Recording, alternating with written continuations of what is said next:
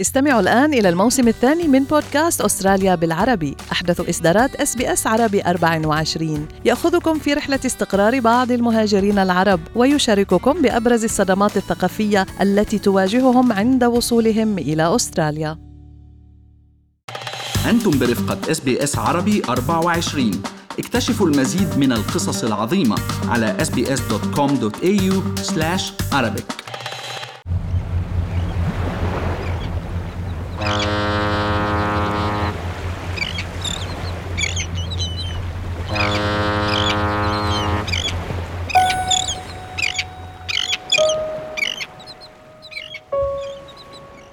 أنا من بلدة عين كارم اللي هي قضاء القدس.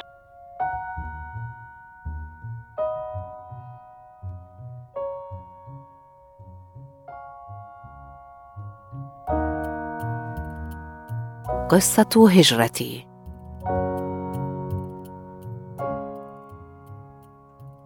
يعني حب المغامرة جيت على أستراليا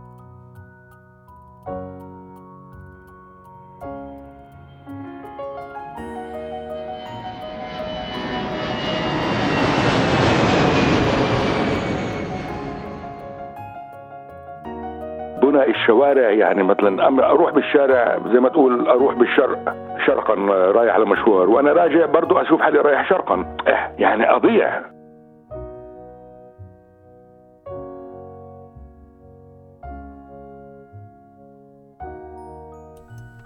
صاعدا نحو الحلم موقدا شمعة من جرحه المفتوح. معكم علاء التميمي وهذه قصة مروان عكرماوي. الفلسطيني المهاجر إلى أستراليا منذ خمسين عاماً.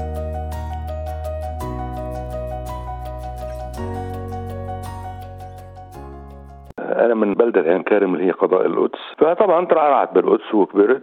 يعني ما قدرت كفي مدرسة لأنه الوالد توفى.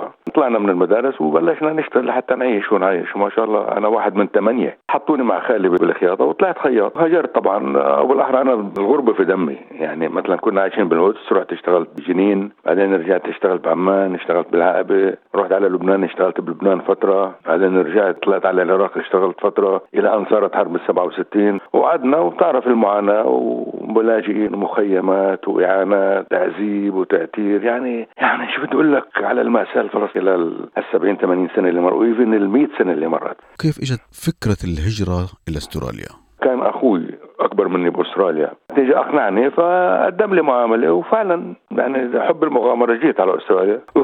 يعني شو بضحك اليوم اللي وصلت فيه بدي أرجع.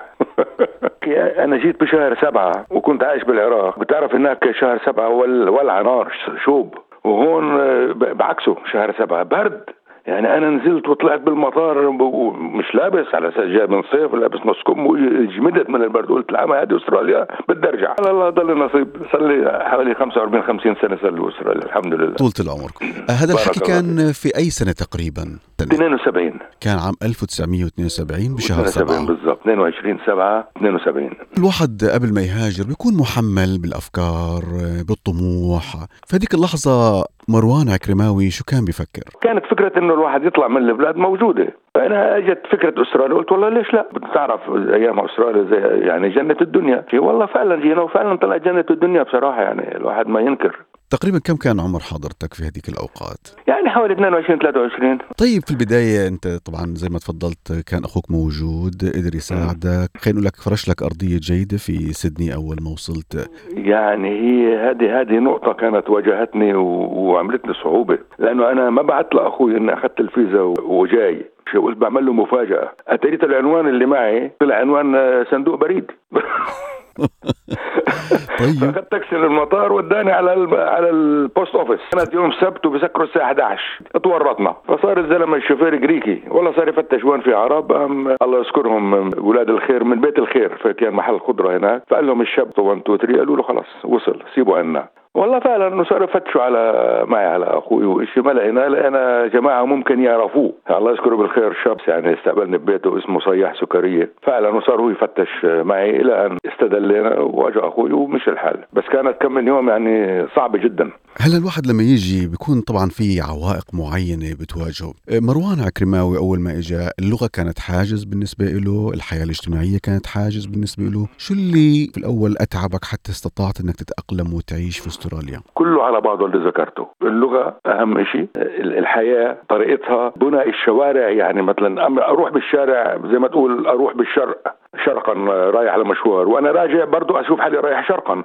يعني أضيع. يعني الشوارع زي بعض البيوت زي بعض. هذه يعني قعدت فترة قبل ما تأقلمت وعرفت أنا فين وشو وين بدي أروح وين بدي أجي. بس الشيء المنيح إنه من أول كم من يوم راسا لقيت شغل يعني. فاحكي بالإشارة بس مش مهم. لقيت شغل والحمد لله وضليت ماشي بشركه خياطة. قد أخذ منك وقت عبال ما تأقلمت مع سيدني تحديدا يعني؟ والله تقريبا يعني أول سنة. تقريبا أول سنة لأني راسا انغمست بالشغل فصار ما فيش مجال. بعد ما مشيت هاي الخطوات وخلال سنة شو كان الخطوة الثانية اللي كان لازم تعملها في حياتك لإثبات وجودك ومن ثم؟ الاستقرار. أول ما إشي فكرت إني أتجوز أفتح بيت ألاقي بنت الحلال أفتح بيت وأستقر. وإلا يعني easy هون الواحد يضيع. سمعت إنه بعد هيك أنت كونت مستقبل جيد فتحت محل وكان لك صيت كبير في مهنة الخياطة في سيدني. كان لك دور كتير كويس في هذا المجال. خبرنا شوي عن هاي القصة. كيف امتهنت هاي المهنة في البداية؟ وكيف تطورت حتى أصبح لك محل كبير في مكان مميز في سيدني أيضا؟ يعني زي ما قلت لك إنه أنا بالبداية لما توفى والدي ما فيش عندنا مين يعين العائلة. فطبعا طلعنا إحنا من المدارس فده حطوني مع خالي خياط فطلعت خياط. فلما جيت هون اشتغلت راسا خياط وطبعا مرقت سنين إلى أن قررت إني أفتح لحالي. فتحت معمل جينز والحمد لله الله وفقني وكل شيء بعدين بلشت شغل الجينز والمعامل وهيك أشياء تنضرب هون بأستراليا لأنه صار كل الشركات تطلع برا. فأنا قلت طب أنا خياط بالأصل يعني. ليش لا استنى لانهار وأنكسر شيء فسكرت المعمل ونزلت على السيتي استاجرت محل فتحت خياط وما شاء الله من يوم من داي 1 يعني من أول يوم يعني تقول زي نار بالهشيم. أنا قالوا لي ناس إنه إذا بدك بدله فرنجي معتبرة ما إلك غير مروان عكرماوي. صحيح هذا الكلام؟ سيدي بارك الله فيك. أنا ما بدي أحكي عن نفسي بس ما دام الناس عم تحكي عني بارك الله فيها. وبنيت اسم الحمد لله زي لهلا.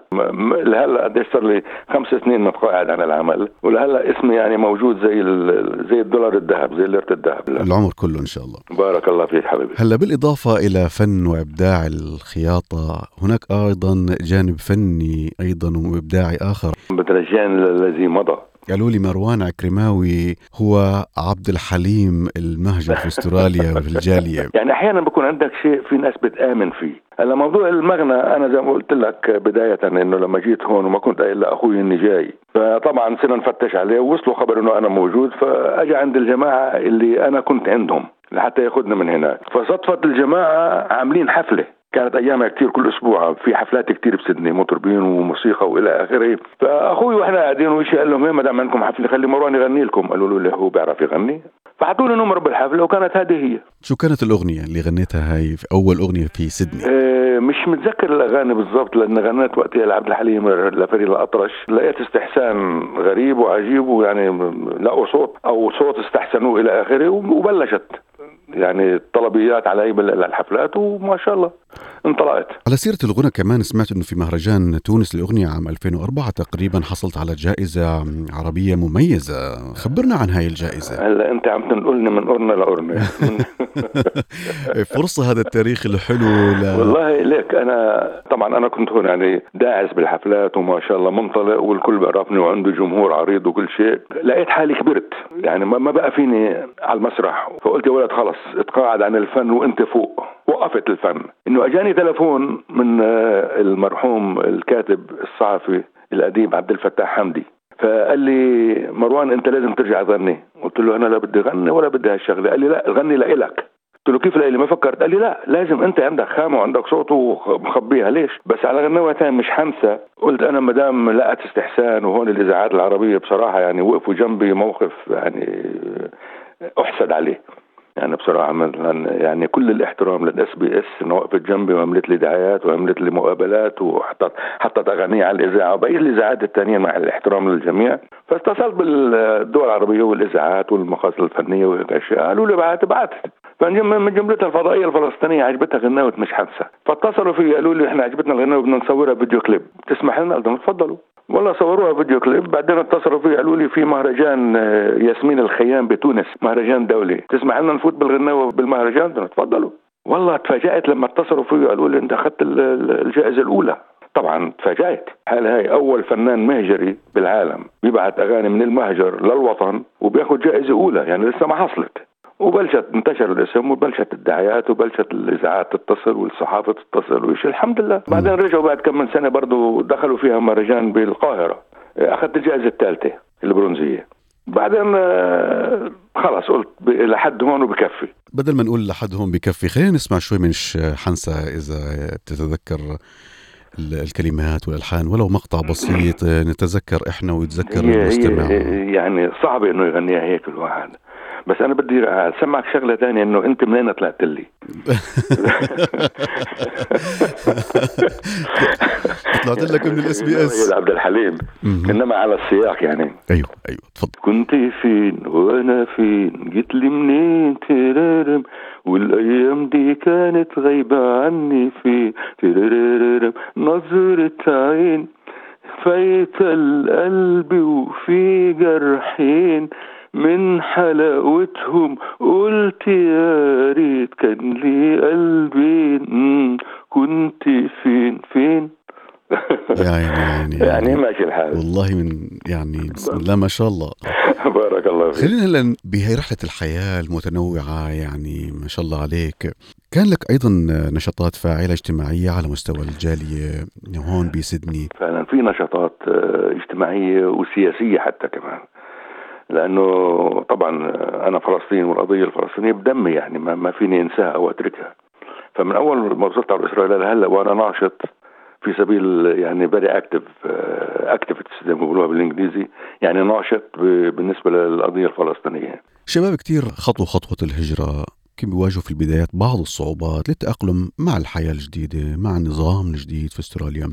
شو بتنصحهم مروان عكرماوي؟ بنصحهم أهم شيء انه يكون عندك الثقة بنفسك وما تخلي أي شيء يأثر عليك لأنه في ناس أجت هون ما شاء الله وصلت وفي ناس أجت هون انجرفت صيرت لأي واحد بده يجي على أستراليا أو اللي اجوا على أستراليا حد يحط استراتيجية لإلك ويتبعها وما تخلي أي شيء يوقفك كانت هذه قصة هجرة مروان عكرماوي